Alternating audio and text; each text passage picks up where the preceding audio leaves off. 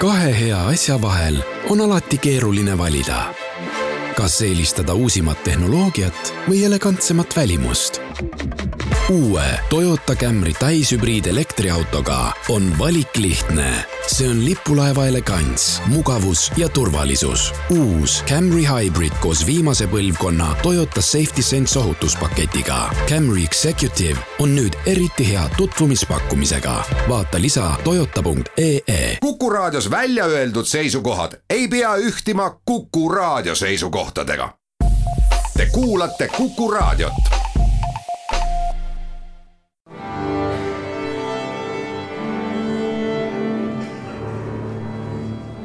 daamid ja härrad, Eesti Kontserdi saade.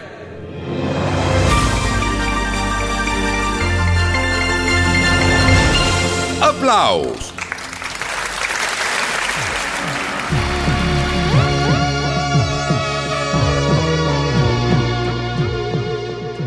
tere kõigile, aplaus on eetris, mina olen Lauri Aav. suvi on nüüd täies hoos, loodan, et jõuate kõrvuti palavate ja päikesepaisteliste ilmadega õhtupoole ka kontserdisaalidesse, sest meie suvehooaeg jätkub täistuuridel. see pole tegelikult veel suvehooaeg, vaid kevadiste kontsertide saba. kõik see, mis on õnnestunud kevadistest ära jäänud kontsertidest juunikuusse kantida ja seda polegi nii vähe täna ja homme Estonia kontserdisaalis kaua oodatud, mitu korda edasi lükatud Sven Grünbergi Hingus kaks tuhat kakskümmend üks ehk siis mitte kunagi kontserdilavale jõudnud plaadi Hingus materjal. lisaks veel Grünbergi filmimuusikat elavas esituses Eesti Elektroonilise Muusika Seltsi ansambli poolt Hukkunud alpinisti hotell, Naksitrallid ja Klaabu ja rääkisin eile Estonia kontserdisaalis enne proovi algust Taavi Kerikmäega, sest mis seal salata, kogu see kontserdi idee see, et hingus elavas ettekandes lavale tuua, on pärit tegelikult temalt äh, ja meil on äh, tegelikult äh, Sveniga ka varem koostööd olnud, aga kogu aeg on tiksunud see mõte, et, et meil on sellised nagu varjatud aarded ja sellised noh, varajased Sveni plaadid, mis ilmselt kõigil on kuskil kodus. ja et mis oleks, kui see kõlaks kontserdil päriselt. Ma arvan, et selles on ka nagu midagi muud või mingi lisakiht peale, et, see ei ole ainult nagu see plaadimaterjali ümbermängimine, vaid seal on nagu midagi elusat juures. mis on minu jaoks huvitav selle teema juures, on see, et me jõuame elektroonilise muusikaga ka juba sellisesse faasi, kus me räägime nagu historically informed performance või nagu, et nagu ajalooliselt kuidagi eh, autentne esitusviis me oleme võtnud mõned päris, päris vanad pillid kasutusse, mida Sven omal ajal ka kasutas ja nii edasi, püüdnud neid sample ida, et me oleme tegelikult juba nagu omal moel järgmise ringi peal tuleme algusesse tagasi, mäletad seda hetke, kui lapsena ilmselt siis sinu ette sattus see hinguse plaat selle, selle ufo pildiga, mis tegelikult on üks tähtkuju? seda hetke ma ei mäleta, aga, aga noh, ma arvan, et meil kõigil on eelkõige kõige tugevam äh, mälestus Sveni muusikast kindlasti nende filmide kaudu, eks. Ja nii animafilmide, noh, Klaabud ja, ja kõik, eks ole, need Rosalind ja, ja, ja muidugi Alpinisti hotell, eks ja noh, võib-olla sealtkaudu edasi see huvi läks, et kõik need sündiplaadid, aga see kõik tundus nii müstiline tol ajal, et see oli nagu mingist teisest maailmast räägime selgeks selle, selle idee hullumeelsus võib-olla ei ole kõigile isegi nagu mitte tajutav. sa võtsid ette selle hinguse plaadi, okei okay,, need noodid me oskaksime sealt maha kirjutada nii mitmedki, aga seal on tegemist äh, süntesaatoritega, seal on tegemist analoogsüntesaatoritega, Synti sada, mida oli maailmas äh, tol ajal paar tükki, nüüd vist võib-olla ma ei tea üldse, kas mõned neist alles on. et äh, taastada analoogsüntesaatorite see kõlamaailm, kuidas see plaat on sisse mängitud, et kuidas need, kuidas need sound'id üles leida vot see ongi nüüd see, mis teeb elektroonilise muusika huvitavaks, on just see, et me tegelikult ei mõtle ainult helikõrguslikult, vaid me mõtleme just eelkõige tämbrites. ja kuidas sa noteerid tämbrit, eks äh,. tegelikult äh, ei ole siiamaani äh, meil äh, mõistlikku noteerimisviisi aga noh, küll me selle noodiga veel hakkama saame. aga kuidas neid sound'e tagasi saada, et see kõik on selline restauraatori töö, et et kõrvaga ja võrdled ja proovid uuesti teha ja, ja tänapäevaste arvutivahenditega ja siis jälle uuesti ja nii edasi, nii edasi. et selle, selles mõttes on see hullumeelsus seisneb nagu selles just, et, et kuidas äh, kuulates ühte helimassi, sest neid eraldi helitrack'e meil ei olnud, eristada sealt neid kihte. ja nii me siis istusime Sveniga ka ja, ja märkmik kõrval ja et ta mäletaks, millised kihid seal siis ikkagi on ja milliste pillidega ja, ja nii me niimoodi sekundhaaval seal oleme läinud no tehnika on arenenud vahepeal, kas nüüd selle töö käigus mõnikord tuli Sveni poolt ka selline plahvatuslik idee, et tegelikult selle koha ma oleks praegu teinud teistmoodi, et, et praegu saaks seda teistmoodi ja palju ägedamalt teha? no omavahel öeldes me ei lasknudki sellel juhtuda, sest et, sest tegelikult mina arvan, et see plaadi äh, võlu või see hingusplaadi võlu on, on just ka osaliselt selles, et need vahendid on olnud sedavõrd piiratud ja vot just see kreatiivsus ja nagu see loomingulisus minu arvates lööb välja just siis, kui meil on piirangud. ja sellepärast on see kraam nagu eriti huvitav, sa tead, mina noh, nüüd mina ka tean neid vahendeid ja nende vahendite sellist tõesti vähesust sel ajal, mis meil siin võtta oli Eestis ka. ja, ja, ja ta suudab sellest välja luua selliseid müstilisi kõlasid, no seal on tõesti väga leidlikult lähenetud, no näiteks, et, et on salvestatud orelit ja siis mängima pandud ta lindiga tagurpidi või poole aeglasemalt või tehtud mingile süntesaatorile lisa selline venituskang hambaharja varrest või noh, nii edasi, et, et see kõik on, noh, sa mõtled, et isver, isver, et kuidas nad on nagu noh, see on olnud tõesti selline põlemine et nad on imenud neist vahenditest välja kõik, mis võtta on. Me räägime siin praegu esmaspäeva pärastlõunal, kohe on algamas proov Tallinnas sellesama asjaga, tohutu pikk ja keeruline lava ülesehitamine, mitu süntesaatorit seal laval on? Ma isegi ei ole lugenud, aga no ikka julgelt, julgelt ikka üle kümne, et, et äh, ma pakuks äkki viisteist. nii, ja Tartu kontsert on selja taga, kaks kontserti Tallinnas on ees ootamas kas teisipäevane ja kolmapäevane kontsert Tallinnas on analoogsed, mitte süntesaatori mõttes analoogsed või midagi erinevat? no elektromuusikat, kui teda esitada kontserdil ja selliste vanaaegsete pillidega, siis, siis tuleb alati kõigeks valmis olla ja see on noh, justkui selline töö tõesti nagu elusa organismiga, et, et tuleb teda käidelda sama sellise lugupidamise ja tundlikkusega nagu akustilisi pille, et, et äh, millele loevad vanadele pillidele samamoodi niiskused ja, ja, ja võib-olla teatav äh, esinemise ärevus ka neil ja seetõttu võib muidugi neid kõlasid, mida esmaspäeval Tartus mängiti, täpselt taastada me ei suuda. aga, aga ma arvan, et see äh, Sveni selline loome nagu see struktuur ja see selline kõlamaailm on, on on meil nii palju küll välja juba lihvitud, et, et see, see tuleb esile. Ja see kõik on publiku hulgas nii populaarne, üksikuid pileteid on teisele kontserdile veel saada. -hmm. jah, ma arvan, et, et see näitabki või kirjeldabki kõige rohkem seda, kuidas Sveni muusika eestlastele korda läheb.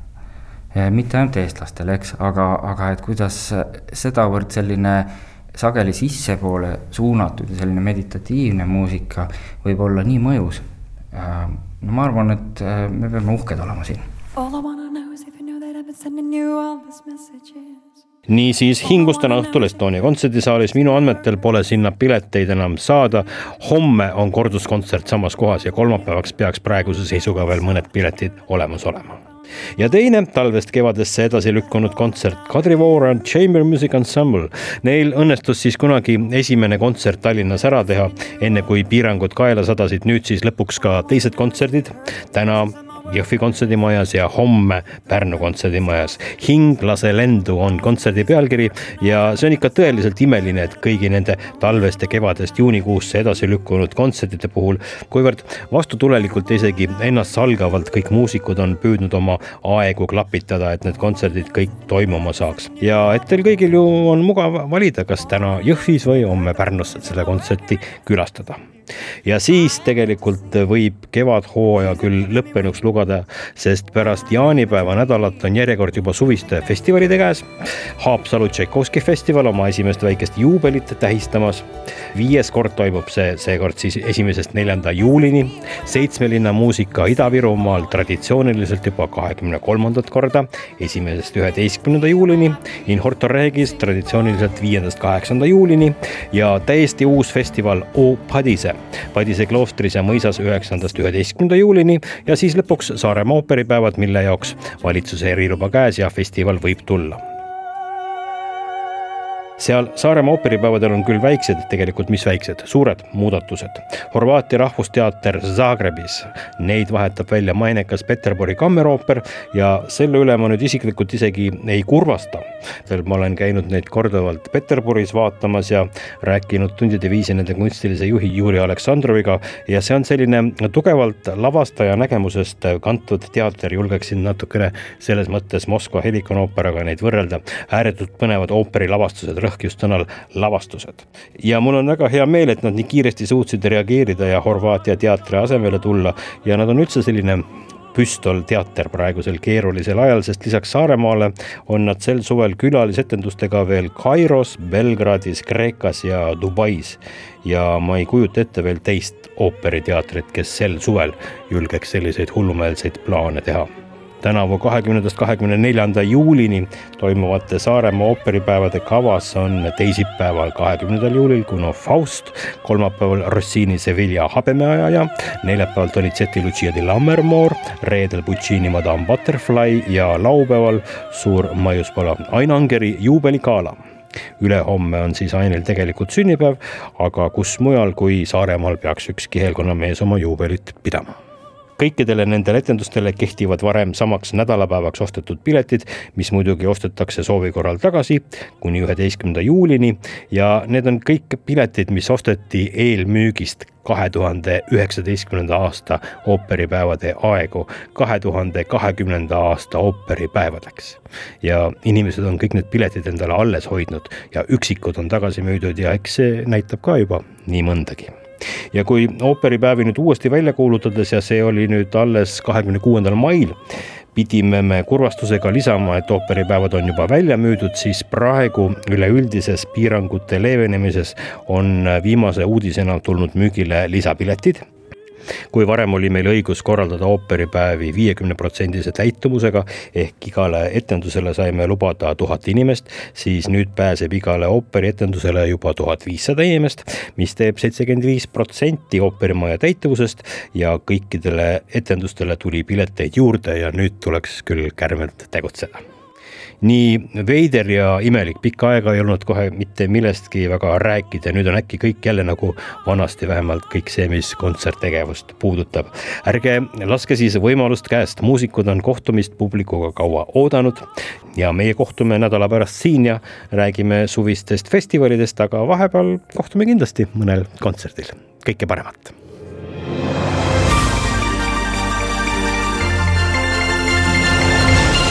aplaus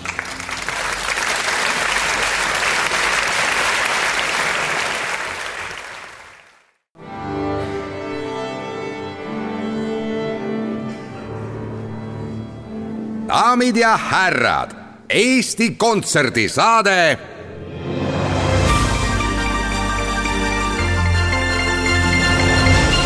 aplaus.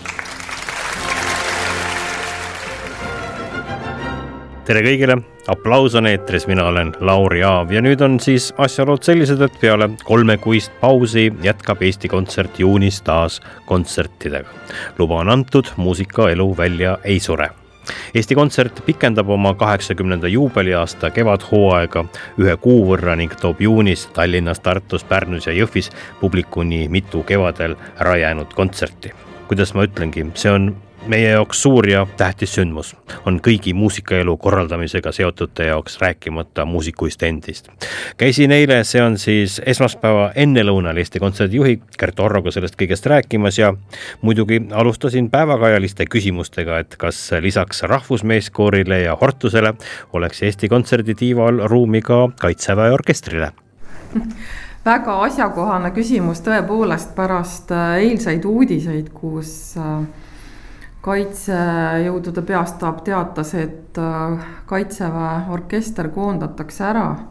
kultuurimaastikul äh, olevad inimesed sellisest otsusest muidugi aru ei saa, sellepärast et äh, teatavasti mängivad kaitseväe orkestris tippprofessionaalsed muusikud keda on ju ka Muusikaakadeemias selleks koolitatud ja kui ähm, kaitseväge võetakse edaspidi pelgalt kui lihtsalt sellist sõjalist inimressurssi, andmata aru, et äh, ka seal on vaja inimestel inimeseks jääda, mida ju võimaldab kultuur siis on see tõeliselt kahetsusväärne, ma loodan, et äh, siiski see otsus vaadatakse veel kord äh, üle, kuna praegu tundub küll, et tegemist on täiesti läbimõtlemata otsusega, lihtsalt äh, jalalt niitmisega ja ja ma Eesti Kontserdi juhina küll ei oska kalkuleerida, et sellise koondamisega me saaksime märkimisväärselt siis kaitseressurssi juurde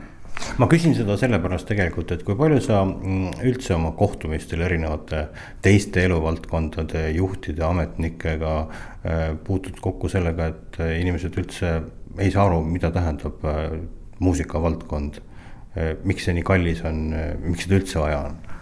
Mm, õnneks ikkagi tihti saavad aru, sellepärast et reeglina äh, on need kohtumised siiski haritud inimestega, kelle enda igapäevavajaduseks ja elu osaks on ka klassikalise muusika kontsertide külastamine. ja ilmselgelt antakse endale aru, et ühe kultuurrahva ja riigi äh, funktsioneerimise hulka käib kindlasti ka hoolitsemine ja hoolimine kultuuri eest just nimelt selle eesmärgiga, et me suudaksime kõik inimeseks jääda ja et, et inimesi ei võetaks vaid pelgalt kui sellist funktsionaalset ühikut, vaid et meil siiski oleks võimalik äh, olla loov, hooliv ja hingeline ja et me oleksime võimelised mõtlema ja et äh, meil oleks selline kultuurne ühiskond, kus me kõik ennast tunneksime hästi kontserdielu on olnud nüüd pausil alates märtsi keskpaigast ja nüüd hakkab avanema uuesti, aga kogu see periood vahepeal, kui ma olen rääkinud ükskõik kellega Eesti Kontserdist, äh, oma töökaaslastega, kõigil on kiire, kõigil on käed-jalad tegemist täis, millega siis Eesti Kontsert on nüüd vahepealse aja tegelenud? Mhm. see on tõesti väga paradoksaalne, et justkui väljundit ei ole ja, ja võib-olla kõrvaltvaatajale jääb tunne, et midagi ei toimu aga tegelikult äh, töökoormus äh, väga suurel osal Eesti Kontserdi töötajatest on äh, lausa kahekordistanud. sellepärast, et tavapärasele olukorrale, kus tehti plaan A ja pandi see töösse, teeme me täna ka plaan B ja plaan C. ja siis teise käega hakkame nende plaanide tühistamisega peale, et me lõime kokku alates jaanuarikuust on Eesti Kontsert pidanud ära jätma üheksakümmend kontserti kõik need üheksakümmend kontserti ju on olnud valmis tehtud, valmis mõeldud, lepingud sõlmitud, et seal taga on väga-väga suur töö ja et neid nüüd tühistada, siis on väga õnnetud eeskätt muidugi nii interpreedid, kes pidid lavale astuma, kui mõistagi ka publik, kui ka Eesti Kontsert korraldajana ise. ehk et kõik liigutused on, on kas dubleeritud või lausa kolmekordseks tehtud ja, ja sellega see koormus ka kasvanud ja tõesti, inimesed on sellest väga väsinud, et et seda väljundit ei tule, et, et sa töötad justkui väga palju suurema koormusega, aga, aga see oleks nagu tühi töö.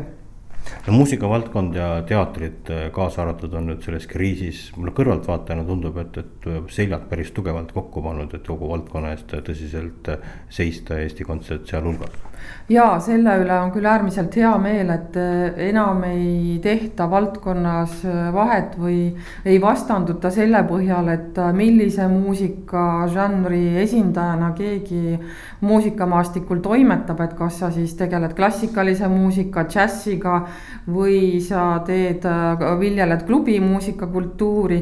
kõik on saanud aru, et see, see kogu see muusikamaastik ongi kultuuri üks lahutamatu osa ja üritatakse leida ikkagi lahendusi, kus on kõikide huvid kaitstud ja üksteist aidatakse ja toetatakse nii, kuis vähegi suudetakse. aga miks on siis ikkagi niimoodi, et kui tulevad piirangud, siis pannakse kinni meelelahutus ja kui taas avatakse, siis räägitakse kultuurist?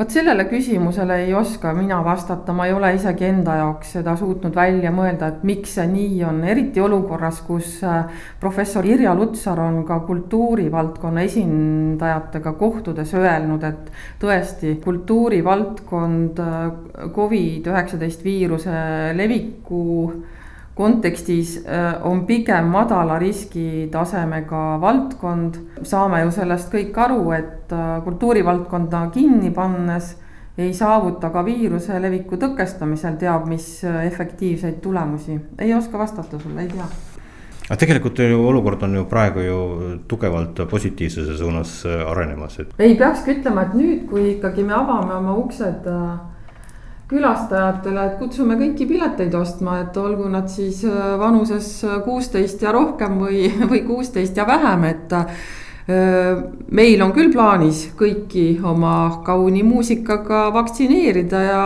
ja olge kindlad. kõrvalnähte ei ole, läheb ainult paremaks tuleme siiski tagasi kõige värskemate juunikuiste kontsertide juurde.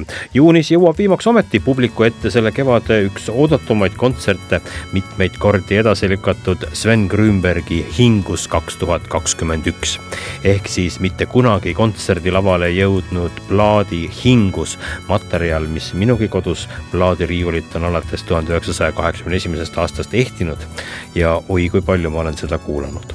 lisaks on kavas veel Grünbergi filmimuusika muusika elavas esituses Eesti Elektroonilise Muusika Seltsi ansambli poolt, hukkunud alpinisti hotell, Naksitrallid, Klaabu ja ma saan suurepäraselt isegi aru, et pole sünnis seda kontserti siin kiita ja turundada, sest asjaolud selle kontserdiga on endiselt segased. ehk siis kontserdid toimuvad otse loomulikult kolmeteistkümnendal juunil Vanemuise kontserdimajal, viieteistkümnendal ja kuueteistkümnendal juunil Estonia kontserdisaalis, aga häda on selles, et praeguse seisuga on kõik need kontserdid piiranguid silmas pidades välja müüdud. välja müüdud nendele fännidele, kes juba veebruariks olid piletid ostnud, kui see kontsert esimest korda pidi toimuma kui nüüd peaks juhtuma, et juuni keskpaigaks tõstetakse piirmäära, et kui palju korraga kontserdisaali tohib inimesi istutada, siis tulevad müügile lisapiletid kõigile nendele kontsertidele. praegu on piirmäär kakssada ja kõik Grünbergi kontserdid on selle seisuga kahjuks välja müüdud pärast pikka pausi jõuavad viimaks publiku ette Eesti Kontserdi ja Interpreetide Liidu ühised kontserdid sarjas I nagu interpreet. pühapäeval, kuuendal juunil esinevad Estonia kontserdisaalis tenor Mati Turi ja pianist Martti Raide, kes tegid vahva kava lugudest, mida omal ajal esitas Georg Ots paraku pean lisama, et nad valmistasid selle kava ette kahe tuhande kahekümnenda aasta märtsiks, Georg Otsa saja aasta juubeliks ja nüüd on siiani oodanud, millal siis tekiks võimalus lõpuks. kuuendal juunil see võimalus lõpuks tekibki ja Mati Turi ja Martti Raide on siis teie ees. üheksandal juunil astub Estonia kontserdisaalis üles pianist Age Juurikas, sooloõhtukava on pühendatud Beethoveni ja Listi klaverimuusikale ja kolmeteistkümnendal juunil on teie ees Sten Lasman, kellega siin eelmises saates just just pikalt rääkisime ülimusliku kavaga Non pluss ultra. renessansi ajastul sai äh, nagu antiigi taaselustamise võtmes väga tähtsaks metafooriks just nimelt see non pluss ultra, mis siis müütide järgi tegelikult oli mm, Heraklase sammastele ehk Gibraltari väina külgedele kirjutatud ladinakeelne moto, et äh, siit edasi ei, ei ole või et noh, ühesõnaga siit edasi minnes tegelikult on siis tundmatu, avaneb tundmatu maailm, et see, te olete tuntud ja igapäevase maailma piiril, siit edasi astudes omal riisikul astute tundmatusse. non pluss ultra teine tähendus on ju see, et see tähendab midagi niivõrd kõrget, keerulist, sealt edasi nagu tegelikult ei ole võimalik minna, ütleme selline tõeline Everest. ühtegi sammu enam kõrgemale ei ole võimalik astuda, aga just nimelt see soolokava nüüd on, on tõesti igas mõttes non pluss ultra, sest siin on kõikides aspektides mõnes mõttes selline viimane sõna läheb mängu. ja noh, see on erakordselt riskantne ettevõtmine igas mõttes. tegelikult igasugune suu pruukimine sel teemal on ka ohtlik kümnendal juunil toimub Estonia kontserdisaalis samuti kauaoodatud ja mitu korda edasi lükatud Eesti Rahvusmeeskoori kontsert, mis ilmutab mulle hiis. see on selle kontserdi pealkiri ja Riho Esko Maimetsa meeskoori looming on kavas. Torontost pärit ja nüüd juba mõnda aega Eestis kodumaal resideeriva helilooja doktorieksam on samas see kontsert. dirigent on Mikk Üloja ja endiselt saali lubatakse vähe inimesi Hortus muusikuse esimese kontserdi pealkiri on Maikuus kuked kirevad. seega loodetavasti mõistate, et see on ainus kontsert, mille me peame enne juunikuud ära korraldama. väravatornis intiimselt kõik need kontserdid on tulemas ja seda veel viiendal juunil, kaheteistkümnendal juunil, muide siis on Hortuse liikme helilooja Tõnis Kaumani juubelikontsert seal. ja Hortus on väravatornis veel ka üheksateistkümnendal juunil, et siis juuli alul jätkata juba Hortuse enda festivaliga In Horto Regis juunis jätkub ka kontserdisari Klassikatähed, viiendal juunil Kadrioru lossis kuulajate ees klassikatähtede publiku lemmik viiuldaja Triinu Piirsalu ja Toomas Oskar Kahur tuubal ja klaveril saadab neid Lea Leiten tuleb muusikaliselt tihe juunikuu, pisut harjumatult meile kõigile, aga ongi praegu selline teistmoodi aeg. meie jaoks on äärmiselt oluline, et publik uuesti elavas esituses muusika enda jaoks üles leiaks ja kontserdil käimine jälle taaskord harjumuseks saaks. mis muud, kui et kohtume juba mõnel kontserdil, kas siis kontserdisaalis või õues ja juba õige pea, kõike paremat teile